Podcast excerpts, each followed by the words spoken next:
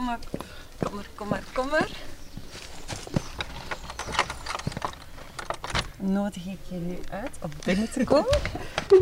En op het moment dat je nu over deze vloertegels loopt, loop je over dezelfde tegels waar Hugo Claus, Rutger Popland, Gwij Mandelink natuurlijk, die hier woonde, Herman de Koning, Anna Enquist, Panamarenko, ik kan nog even doorgaan, in hun voetsporen wandelen. Dat is wel... no pressure. Ooit zullen ze zeggen, hier in de voetsporen van Dominique de Groen. Dat zien we nog wel.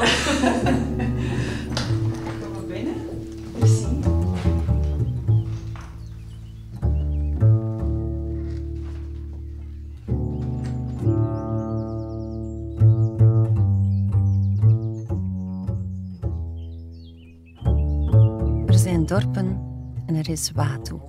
In de zomer verwelkomt Watu je kwispelend. In de winter rolt het zich ongenaakbaar op als een hond in de mand van de Westhoek. Telkens als ik na een lange rit Watu binnenrijd en de eindeloze velden, de trotse hopranken en de spitse kerktoren zie, vertraagt mijn hartslag als vanzelf. Ik logeer in het huis van de dichter, een plek waar de muren veel te vertellen hebben. In deze kamers en in deze tuin hebben dichter Gwij Mandelink en zijn vrouw Agnes Hondekijn het Kunst- en Poëziefestival bedacht en hebben vele roemrijke dichters duizenden sigaretten gerookt, de wereld bijeengelogen, harten veroverd en gebroken. Ik ben Jelle van Riet, ambassadeur van het Huis van de Dichter en literair journalist voor De Standaard. Ik wil jullie graag aansteken met mijn liefde voor poëzie en heb daarom een favoriete dichter uitgenodigd, met wie ik een dag, een nacht en een ochtend in het huis en in het dorp doorbreng.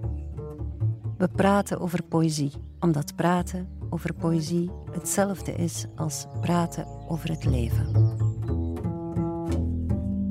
Mijn gast vandaag en morgen is Dominique de Groen. Dat we een coole en originele dichterrijker waren, bleek al meteen in 2017 toen ze debuteerde met Shopgirl. Ze was 26 en niet meer weg te denken uit de Nederlandstalige poëzie. Talent troef, want ze maakt ook film, video's en performances en momenteel schrijft ze aan een roman over Britney Spears. In haar vierde met de Jan Kampertprijs bekroonde bundel Slangen laat ze de slang in vele gedaanten over de pagina's kronkelen en glibberen.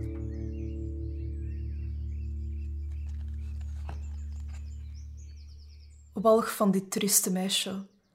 Werp haar van me af als slangenvel. En de dorre dode huid krult op in de vlammen.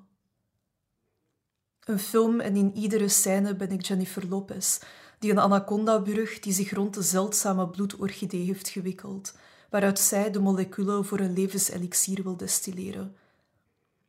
En in iedere scène komt de gele albino tijgerpython die rond Britney's nek gedrapeerd lag tijdens haar performance van I'm a Slave for You op de 2002 VMA's naar me toe geglibberd. Wikkelt ze zich rond mijn naakte lichaam en knijpt. Toont me, vlak voordat mijn ogen uit hun kassen springen, een gladde, natte wereld zonder dieptes. Een toekomst met schubben die niets anders bedekken dan nog meer schubben. Een shift van technologieën voor het verwezenlijken van een betere wereld naar technologieën van controle en surveillance. Dominique, wat is de diversiteitsaanpak in jouw werk? De verbolgen kunstenaars kronkelen naakt in biologisch afbreekbare glitter, in de glinsterende assen van het teken. De kurkdroge prairie bedekt onder gistende kadavers. Ik draai ze om en ieder gezicht is het mijne. Less like a phoenix rising from the ashes, more like a raccoon waddling away from a dumpster fire. Ik ben hier niet om vrienden te maken. Ik ben hier om te winnen. De dichter als Wonder Woman, superheldin die anacondas wurgt met de blote hand. Ambitie, Dominique? Ik vrees helaas dat het voor mij niet in de sterren geschreven staat. Maar dromen mag. Dromen mag, ja. Ik vond, ik vond het wel gewoon leuk om, um, om in dat gedicht was ik eigenlijk zo heel erg... Was ik op zoek naar ehm, slangen die in de popcultuur worden afgebeeld met vrouwen. Dus bijvoorbeeld Jennifer Lopez in de film Anaconda, of dan het iconische optreden van Britney Spears met de slang op de VMA's. En dan ja, was ik eigenlijk zo aan het denken dat je bij dat soort scènes, dat je ook altijd misschien ergens jezelf daarin probeert in te beelden of zo. Van, hoe zou het voelen om zelf Jennifer Lopez te zijn die hier deze heldhaftige rol speelt? Ehm, dus dat probeer ik in, in dat gedicht wat te evoceren. Dat je jezelf probeert te verplaatsen in al die verschillende vrouwelijke heldinnen. Uh, walg van dit trieste meisje werp haar van me af als slangenvel. Nu, dat komt ook uit de bundel Slangen. Dus je hoeft geen academicus te zijn om te weten dat slangen een heel belangrijk symbool zijn in de bundel. Ze kronkelt ook in vele gedaanten over de pagina's. Maar waarom wilde je zo graag je oude huid afwerpen?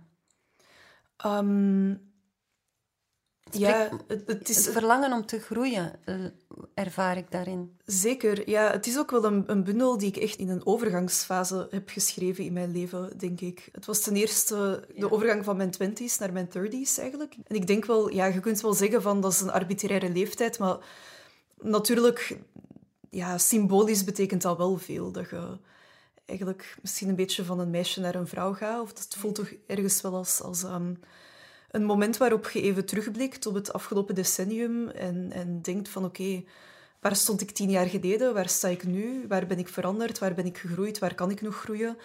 Dus ik was toen heel erg met dat soort vragen bezig. Ik kwam ook net uit een lange relatie die was geëindigd. En dat is natuurlijk ook een... Ook te midden van corona, dus ik moest dat heel erg in isolatie ook verwerken. Dus ik was heel erg op mezelf aangewezen, kon eigenlijk weinig afleiding zoeken in, in uitgaan of in leuke dingen gaan doen met vrienden. Dus dat is dan ook natuurlijk wel zo een, een moment waarop je gedwongen wordt om jezelf een beetje heruit te vinden. Ja, je hart werd verbrijzeld als een diamant, hè? Exact, ja. ja. maar er komt natuurlijk wel een mooie bundel uit. Die, je hebt dat wel eens eerder beschreven als een ongelukje is ontstaan, want je was natuurlijk bezig aan die roman aan het schrijven. Maar toen drong deze bundel zich op. Betekent dat de gedichten op jou joegen en jij niet op de gedichten? Uh, zo voelt het wel, ja, zo voelt het wel. Want ja, dus inderdaad, ik, ik was eigenlijk helemaal niet van plan om een bundel te schrijven. Dus ik zat helemaal niet te wachten op gedichten eigenlijk. Of ik was helemaal niet daar in mijn hoofd mee bezig. Van waar kan ik nu nog eens een bundel over schrijven? Of waar kan ik nu nog eens gedichten over schrijven? Um, als, ja, als slangen zijn ze, mijn, uh, zijn ze mijn bewustzijn binnengekronkeld en ik kon mij er eigenlijk niet, uh, niet, niet, tegen verzetten. Ja. Dus... Liefdesverdriet bracht wel je poëtische aandrang tot een kookpunt, kunnen we wel zeggen. Ja, zeker. Ja, het is natuurlijk... Ja, um, mijn poëzie gaat altijd, ja, is, is, is meestal ook wel, wel politiek en gaat ook wel echt over de wereld om mij heen. Maar toch is het emotionele en het lichamelijke natuurlijk ook wel altijd aanwezig. En opnieuw in de ene bundel dan wat meer dan in de andere. En in slangen zeker het meest. En ik vind ook wel dat je in de bundel zelf merkt dat, dat ik mij ook anders begin te voelen, naar gelang de bundel vordert. Ehm, dat ik mij in het begin van de bundel is eigenlijk heel duister en dan voelde ik mij ook echt niet zo goed. En echt door het schrijven was eigenlijk een, ja, wel een, een beetje een therapeutische bundel, denk ik. In die zin um, dat je wel merkt dat naar het einde toe veel hoopvoller wordt. Ik weet dat dat ook helemaal niet niet cool klinkt. Zo. Kunst als therapie, dat is een beetje taboe zelfs ja, bijna. ongelooflijk bezoedeld. Bijna totaal bezoedeld, ja. Maar ik vind er persoonlijk, ja, ik, ik ervaar het vaak wel zo. Dus, um, dus ik wil dat ook niet ontkennen of zo, om, dan, om mij dan cooler voor te doen dan ik ben.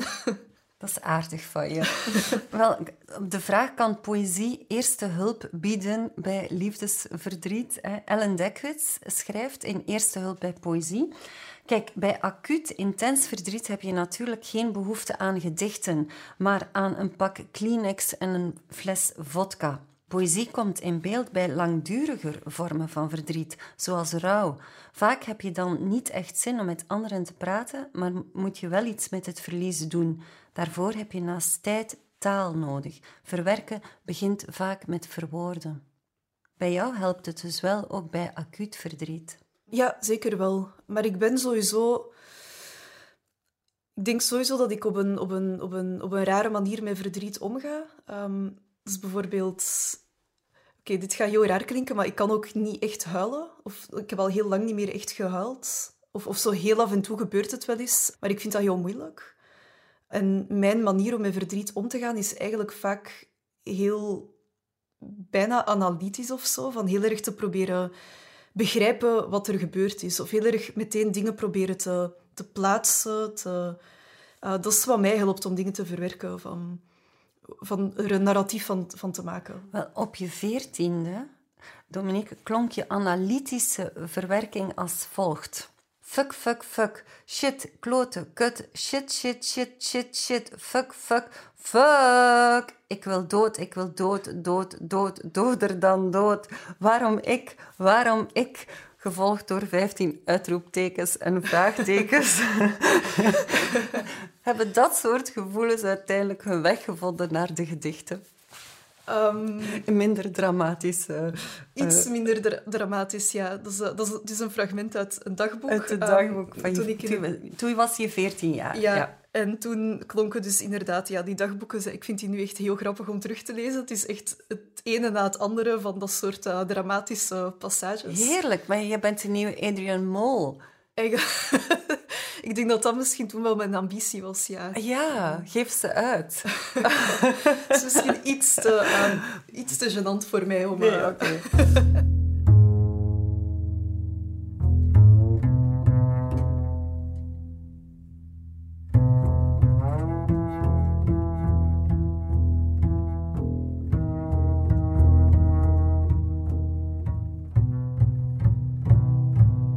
hou zelf heel erg van het werk van Dominique, maar ik wil toch nog graag eens mijn oor te luisteren leggen bij een roemruchte poëziekenner. Als ik iemand meen te kunnen plezieren met een gedicht waarin een jonge dichter zich profileert als een superheldin die anaconda's met de blote hand wurgt, dan toch mijn goede vriend in Genua, Ilja Leonard Pfeiffer. Even bellen. Hij weet vast ook of poëzie helpt tegen liefdesverdriet. Poëzie is geen medicijn. Poëzie maakt het alleen maar erger. Het is geen elixir. Dit gedicht van Dominique de Groen is fascinerend. En uh, het is natuurlijk uh, eigenlijk onrechtvaardig om dat ene gedicht uit de bundel te lichten en als geïsoleerd gedicht te behandelen. Ook al kan het gedicht daar best goed tegen. Maar uh, die hele bundel is een soort van uh, enorme virtual reality trip. Een enorme reis door uh, een heden, verleden en toekomst die ook bepaald onidyllische trekjes hebben.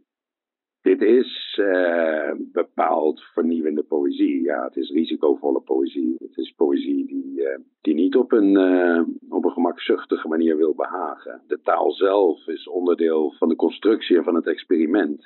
Ik denk dat ik het gedicht onrecht aan zou doen door het te reduceren tot een eendimensionale boodschap die daaronder zou zitten. Zo werkt poëzie niet. Poëzie is niet een een cryptogram waar een uh, sadistische dichter een op zich uh, eenvoudige boodschap heeft verstopt in moeilijke woorden. Zo, zo gaat het niet. Nee, het, is een, uh, het is een trip die langs verschillende realiteiten en verschillende betekenissen scheert. Het is een, een heel meerduidig gedicht dat, dat onderdeel is van een heel meerduidige bundel. Waar het om gaat is uh, een soort van contrast of een soort van, uh, ja, ik weet niet of je dat ook escapisme mag noemen. Uh, de wereld van vandaag en een soort van fantasiewereld, virtual reality wereld, die misschien even echt is als de wereld die wij echt noemen, of misschien zelfs nog wel echter. Er is een ik-figuur die samenvalt met verschillende soorten pixelvormen, avatars en dan weer niet. Het is een soort van beeld van wanhoop en hoop ook. En tegelijkertijd zijn er de hele tijd die slangen die eigenlijk heel erg verontrustend zijn.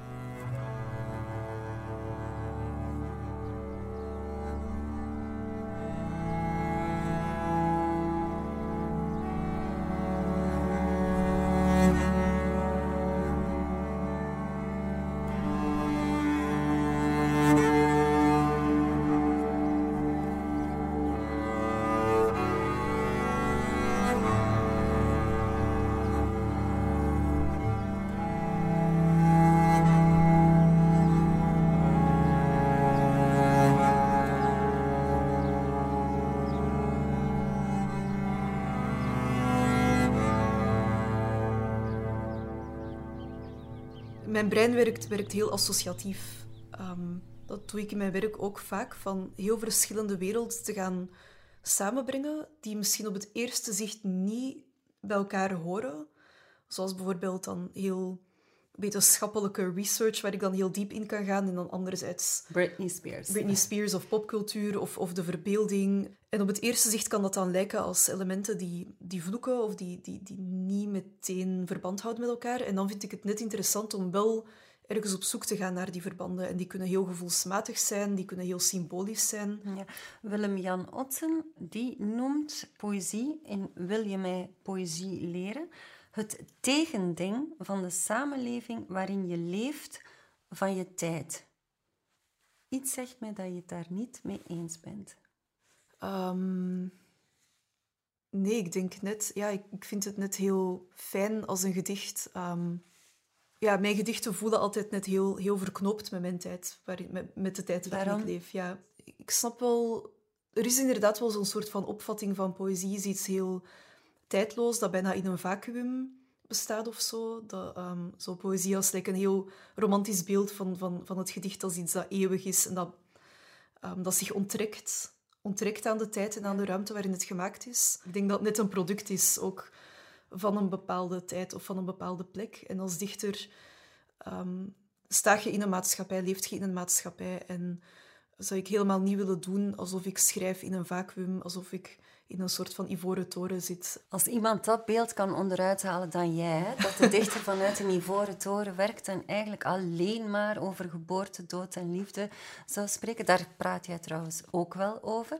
Maar er is altijd die achtergrond, uh, dat grotere kader, die backdrop van, van, van de wereld waarin je leeft. Ja, ik denk zelfs dat het meer is dan een backdrop. Want ik denk dat ook zelfs zo de thema's die, die ja, dan als universeel worden genoemd, inderdaad de liefde, de dood, de rouw, maar zelfs die thema's, ja, die veranderen ook. Het is op zich een universeel gegeven, maar het kan eindeloos veel gedaantes aannemen. Dus nee, ik zie mijn gedichten heel erg als iets, als dingen die gevormd zijn door allerlei uh, mechanismen en, en factoren die, die ook buiten mijn controle liggen. Ah, en dat vind ik ook net wel interessant of zo. En voor mij hoeven mijn gedichten ook niet tijdloos te zijn. Ik denk als iemand binnen 100 jaar mijn gedichten leest en daar niks meer van begrijpt. Internet, wat is dat? Ja, TV, popcultuur. wel, maar dat gaat ook, ja, mijn gedichten gaan ook gedateerd raken vanwege de referenties die ik daarin verwerk, die inderdaad vaak heel actueel zijn. Maar dat interesseert mij ook niet. Ik schrijf niet voor de eeuwigheid, ik schrijf voor, voor het nu. En uh, ja, als iemand ze binnen 100 jaar niet meer begrijpt, dan, dan, dan is dat zo. Ze zijn voor ons. Wat je zelf mooi vindt, wil je delen. En dus heb ik Dominique's gedicht naar een handvol mensen gestuurd. De dilettantische, maar fantastische lezerspoelen van het Huis van de Dichter bestaat uit voorzitter van de Vlaamse Jeugdraad Amir Bachirori. Deze vond ik ook Oh, deze, dat is een plat Antwerps. Zangeres Lara Chedraoui. Uh, wacht, waar zit het? Acteur Tijme Govaerts. En uh, hoe zeg je dat? Chef van de Standaard Weekblad Griet Plets. Nee, ik ga het anders formuleren. En emeritus voorzitter van de Europese gemeenschap Herman van Rompuy. Oké, okay, ik begin. Allen mogen zij vrijuit vertellen wat ze van het gedicht vinden. Het is ook bijna geschreven als een, als een slang die zich rond u wikkelt en die u steeds meer impact? Ja, het grijpt naar de keel. Je voelt zo de haartjes op je arm recht komen, pakt je bij je nekvel. Ja, het is e-, de eerste keer, denk ik, dat ik Jennifer Lopez en uh, Britney in een gedicht ben tegengekomen. Ja, ik merk op een of andere manier dat ik in het begin dan altijd zo tegenstribbel. En dan herlees ik het nog eens en dan merk ik dat ik het wel heel fijn vind. Britney Spears vond ik heel herkenbaar. Ik ben natuurlijk een kind, kind van mijn tijd en dat beeld bleef zo hangen. Vooral het beeld van die anaconda en wat ze beschrijft, die, die gladde, natte wereld. Ik vond dat zeer, um, zeer bevreemdend en zeer apocalyptisch. Maar ik kon heel goed mij er iets bij voorstellen. Ik heb natuurlijk mij moeten verdiepen in, in de anekdotes die in het gedicht voorkomen. Hè, want Britney Spears in de VMA van 2002, daar roept bij mij niet veel op. Hè. Gedichten zijn voor mij meestal zoiets heel archaïs of zo. Maar ik vond dat er een heel hedendaagse touch in zat. Maar ja, ook wel het, de mix met het Engels. Ik heb dat gaan opzoeken, wat, dat, wat er staat een Engelse tekst in.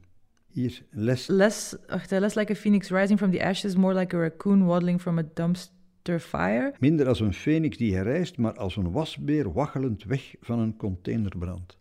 Moest ik denken aan al die Instagram-filmpjes met die raccoons dat de laatste tijd mijn feed uh, doorkruist. Ik, ik, lees het als een soort maatschappijkritiek. Een, een schets van een, um, een streamende schets van, van onze wereld. Met dan vooral die, die, die zo harde eindzin. Ik ben hier niet om vrienden te maken, ik ben hier om te winnen. Ik snapte dat einde niet. Winnen, wat betekent dat hier? Wat, is, wat moet er overwonnen worden? En als het winnen is, wat is dan een, een nederlaag? Ik weet het eigenlijk niet goed. Ik vind het niet echt een hoopvol gedicht.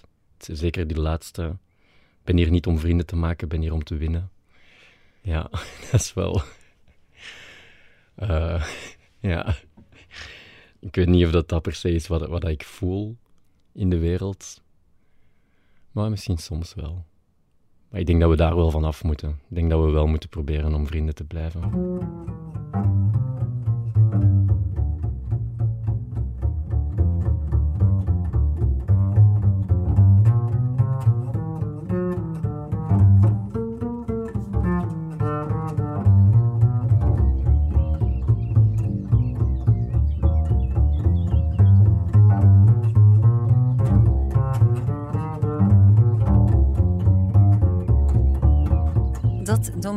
De Groen geen rozige poëzie zou brengen, was meteen duidelijk.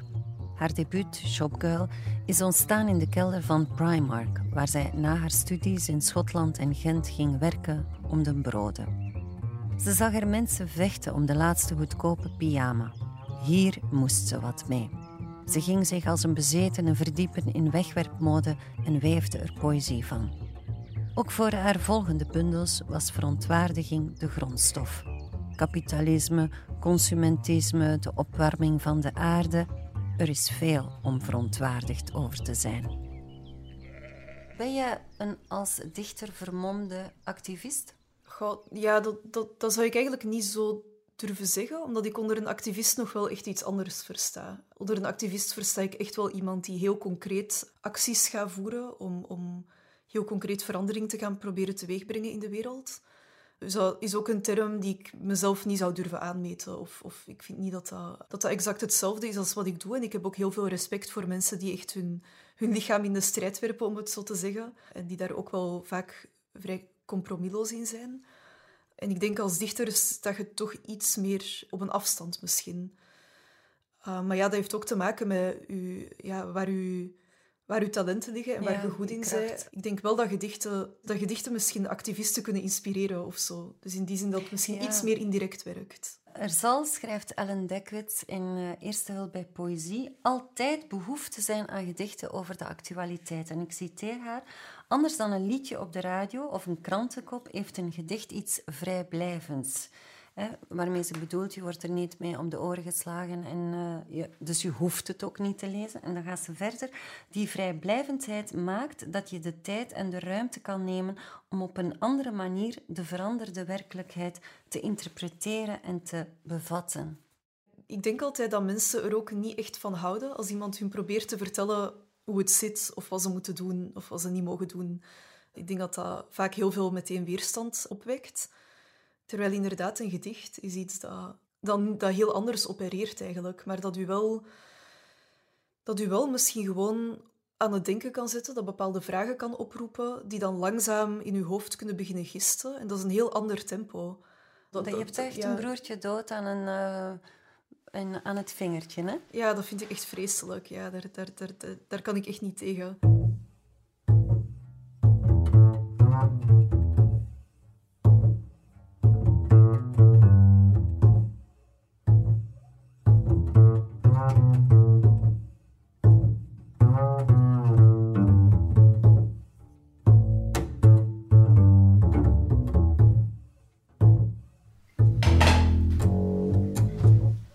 Dichters moeten eten.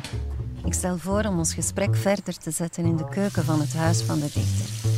Het werkblad is groot genoeg om ook de dichter aan het werk te zetten. Een beetje zout.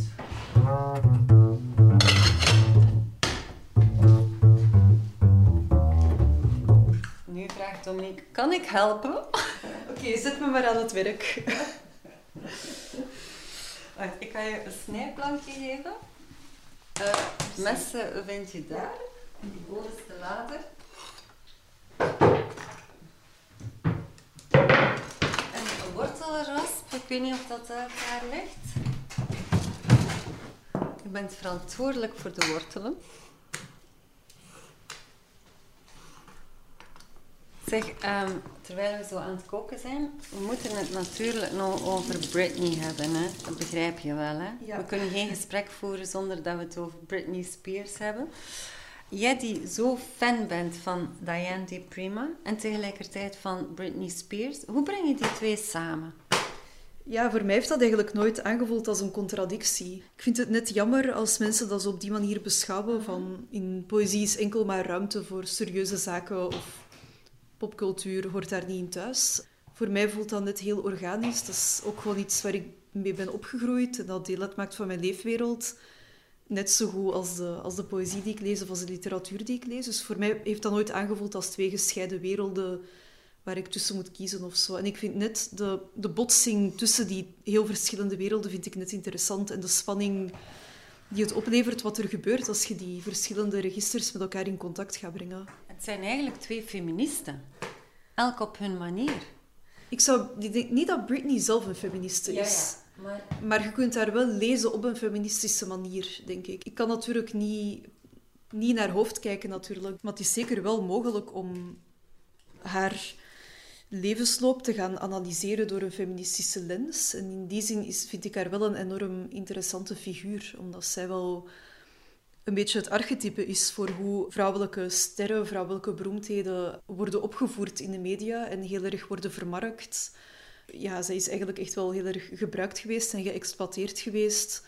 Echt gereduceerd ook tot, tot, tot, tot haar uiterlijk. En ook op bepaalde momenten in haar carrière waarin zij dan zelf nummers wou beginnen schrijven en echt zelf haar eigen creativiteit ontplooien, is dat echt wel gefnuikt geweest door haar platenmaatschappij en haar management. Omdat zij natuurlijk dat beeld van die perfecte pop wilde behouden, omdat dat hun dan gewoon meer opbracht. En zij heeft zich daar dan wel op een bepaalde manier tegen verzet, denk ik. Ik denk bijvoorbeeld dat kaalscheren van haar hoofd vind ik zo emblematisch. Dat is echt zo... Haar schoonheid was eigenlijk een, een, een, een werktuig geworden waarmee zij onderdrukt werd. En zij heeft haar eigen schoonheid aangevallen Ja, op die manier. dat was haar middelvinger eigenlijk, hè? Eigenlijk heel punk, vind Ja. ik. Want zij is echt zo'n schoolvoorbeeld van, van godin tot offerlam geweest hè, binnen die mediacultuur. Ja, enorm. Ja, zij is echt de persoon Britney Spears is eigenlijk op een heel cynische manier opgeofferd geweest aan het product Britney Spears. En eigenlijk als persoon is haar leven echt wel voor een, ja, voor een stuk verwoest geweest of kapot gemaakt tot op een heel extreme hoogte natuurlijk met het feit dat ze dan ook onder zo'n bewindvoering is geplaatst gedurende 12 of 13 jaar waarin ze dan geen enkele beslissing meer mocht maken over haar eigen leven om dan op die manier het product Britney Spears en dat perfecte beeld van haar wel in stand te kunnen houden. En ja, dat haar management en haar familie gewoon niet het risico wou lopen dat de complexe persoon Britney Spears eh, in de weg zou komen van, van dat product. Wat vind je eigenlijk van die muziek zelf? Ja, ik vind dat heel goede muziek. Ik heb Ja. dat, dat, is, dat is ook het, het ding van mijn fascinatie voor Britney Spears. Vertrekt ook echt niet alleen vanuit een, een theoretisch feministisch kader of zo. Het is echt ook, het is begonnen vanuit een liefde voor haar muziek en, en een liefde voor haar als, als mediafiguur. Inderdaad, het totaalplaatje, haar voorkomen, haar, haar mode, haar, de manier waarop ze danst, haar muziek. Ja, heb ik gewoon al van toen ik echt heel jong was, was ik altijd een, een enorme fan van haar eigenlijk. Heel veel mensen zien haar echt wel als zo... Ja, ze schrijft haar eigen teksten niet of ze zingt alleen maar de dingen die andere mensen voor haar maken. En in die, op die manier zien mensen haar ook wel een beetje als een, een hersenloos ja, Ja, zangeresje. Dat eigenlijk dus... Ja, inderdaad. Maar eigenlijk heeft zij dus ook zelf wel een aantal van haar teksten van haar nummers zelf geschreven. En ook ehm, haar nummer dat ik het mooiste vind, Every Time, is een tekst die zij volledig zelf heeft, heeft geschreven. Ze heeft dat nummer ook zelf op piano geschreven. Ehm, vind je dat poëtisch? Uh, dat nummer zelf? Ja. Ja, ja, ik vind dat haar mooiste nummer. En die tekst is, heel, is eigenlijk een tekst die gaat over haar break-up van Justin Timberlake. Ehm, en ja, dat nummer gaat eigenlijk ook over haar eigen schuldgevoelens in wat er is misgelopen in die relatie. En, en het is heel mooi, heel haunting bijna, hoe ze dat beschrijft. En daaraan merkt je wel dat ze eigenlijk zelf ook wel echt een, een ja, artistiek talent heeft. Maar ik, ik weet niet of ik het nummer ken. Ik kan het hier gewoon even opzetten op mijn telefoon. Ga ik het herkennen als ik het hoor, maar... Het is wel een grote hit geweest, dus ah, ja, um, het kan wel zijn dat je het kent. Nee.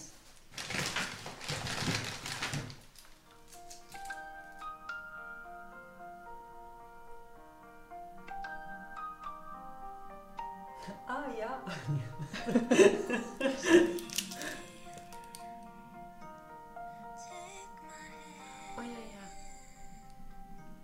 Kent je het? Ja. Oké. En dan gaan we over een break-up? Ja. Oké.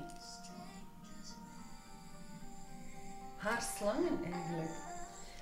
Ja, nee, het is een nummer vol berouw eigenlijk. Het is heel... Uh...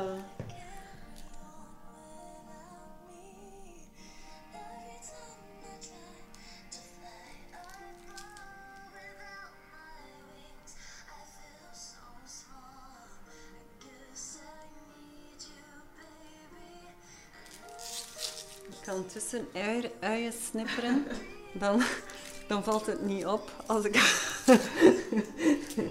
als ik een traantje wegpink. Het is wel, eh, ja, ik vind, het is wel ontroerend.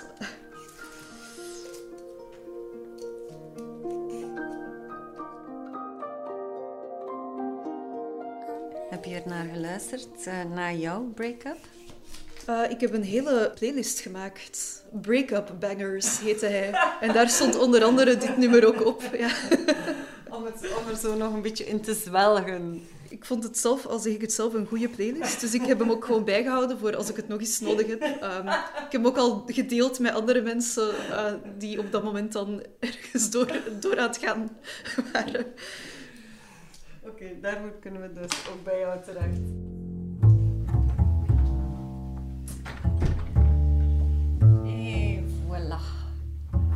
Kijk eens aan.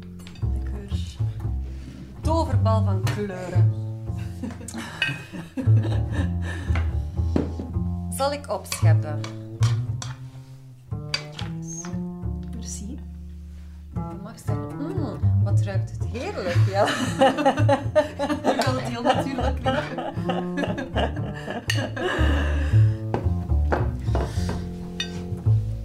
chillen op uh, een hele mooie dag in Watu, wat mij betreft. Ja, en op de poëzie. Op de poëzie, Santé. uiteraard, altijd. Smakelijk? Smakelijk.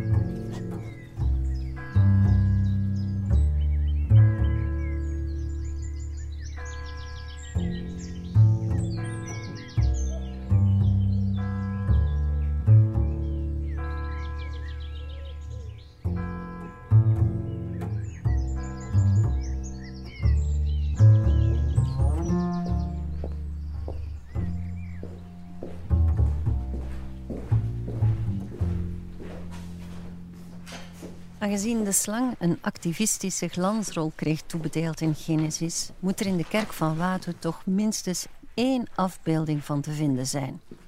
Het slimste van alle dieren die God de Heer gemaakt had, verantwoordelijk voor de zondeval, het begin van alle ellende.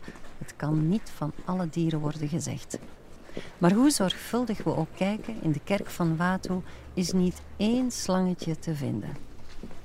Slangen gaan we hier denk ik niet aantreffen. We steken dan maar een kaarsje aan voor de slang, want ook zondaars zijn er om lief te hebben. En voor vergeving is het nooit te laat.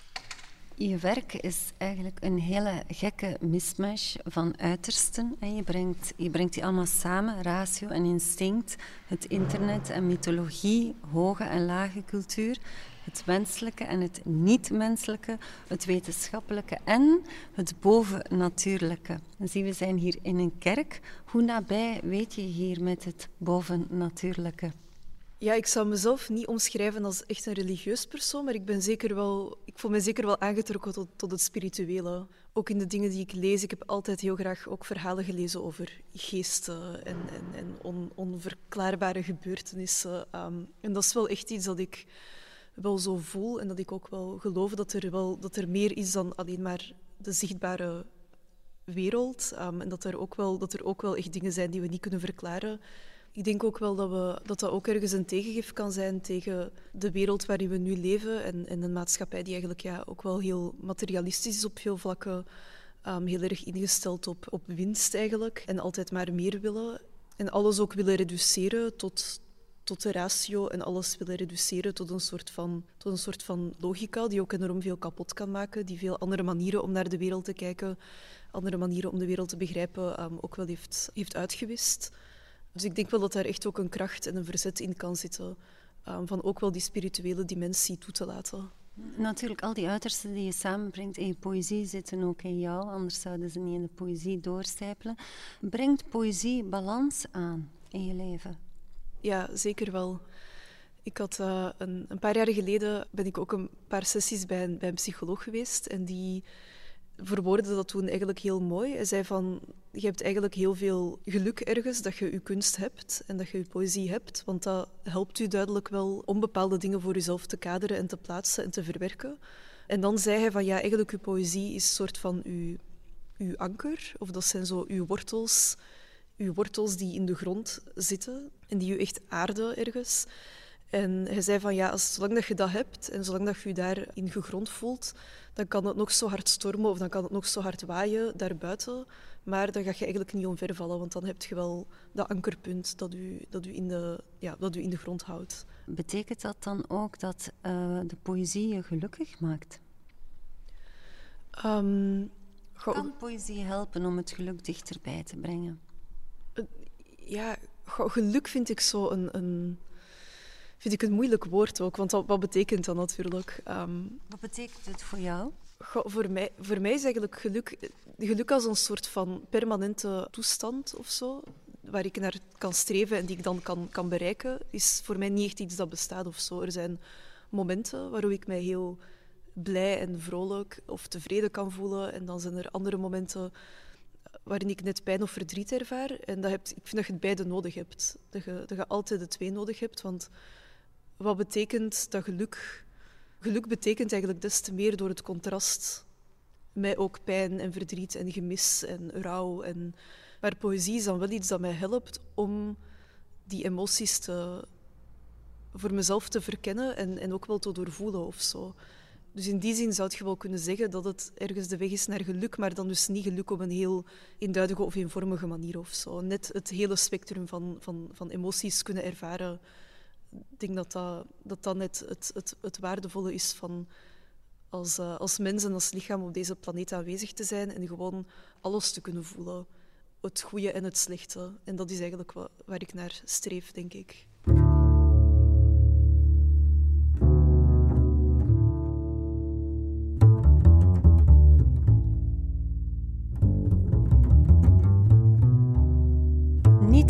Dominique de Groen kwam het Huis van de Dichter verlevendigen met verzen en verhalen. Elke zaterdag verschijnt er een nieuwe aflevering van de podcast Huis van de Dichter. U hoort telkens een andere, wijze, straffe en mooihartige dichter breed uit vertellen. Luister dus zeker ook naar de andere afleveringen. Opname en montage van deze podcast zijn van Pauline Augustijn. De muziek is van Nicola Rombouts. Heel graag tot de volgende.